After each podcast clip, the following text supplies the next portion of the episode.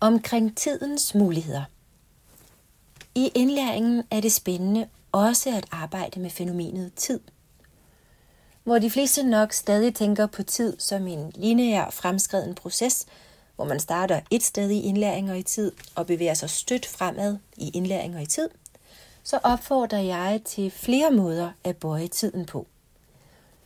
Lineær tid er helt reel, men tid kan for eksempel også føles kort eller lang, hurtig eller langsom, intens eller ligegyldig, lystbetonet eller plagsom.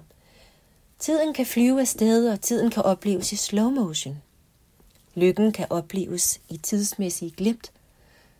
Akkumulerede erfaringer bliver til indsigter på splitsekunder. Tid kan sprænge rammer. Det har vi alle sammen oplevet, selvom et minut altid vil være 60 sekunder osv. Det er den reelle tids lov og sammensætning. Men når ovennævnte eksempler kan eksistere samtidigt, må der findes en samtidig fleksibel tid, som jeg betragter som en slags tidslommer, vi til hver en tid kan tilgå med vores bevidsthed.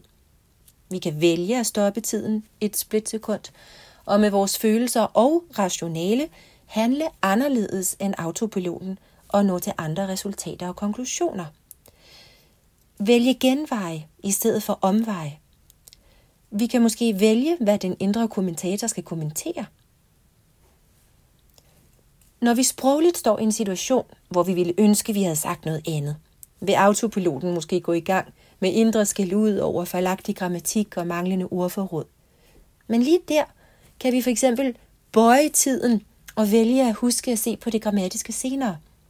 Nøjagtigt som når vi oplever at se os selv i en given situation udefra, så kan vi se på vores indlæring og talefærdighed udefra, oppefra, nedefra, samtidigt og sidenhen.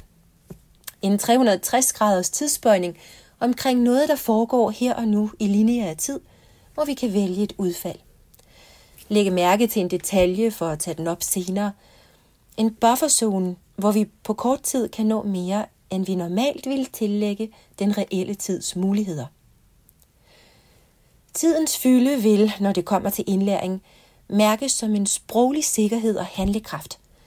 En styrke som en træstamme, der står stærkt, fordi den i lineær tid har fået stadig flere årringe, fylde og tyngde.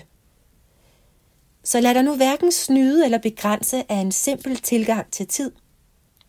Intensiteten og dybden af din indlæring er nemlig langt fra kun hægtet op på lineær tid og lineære målsætninger.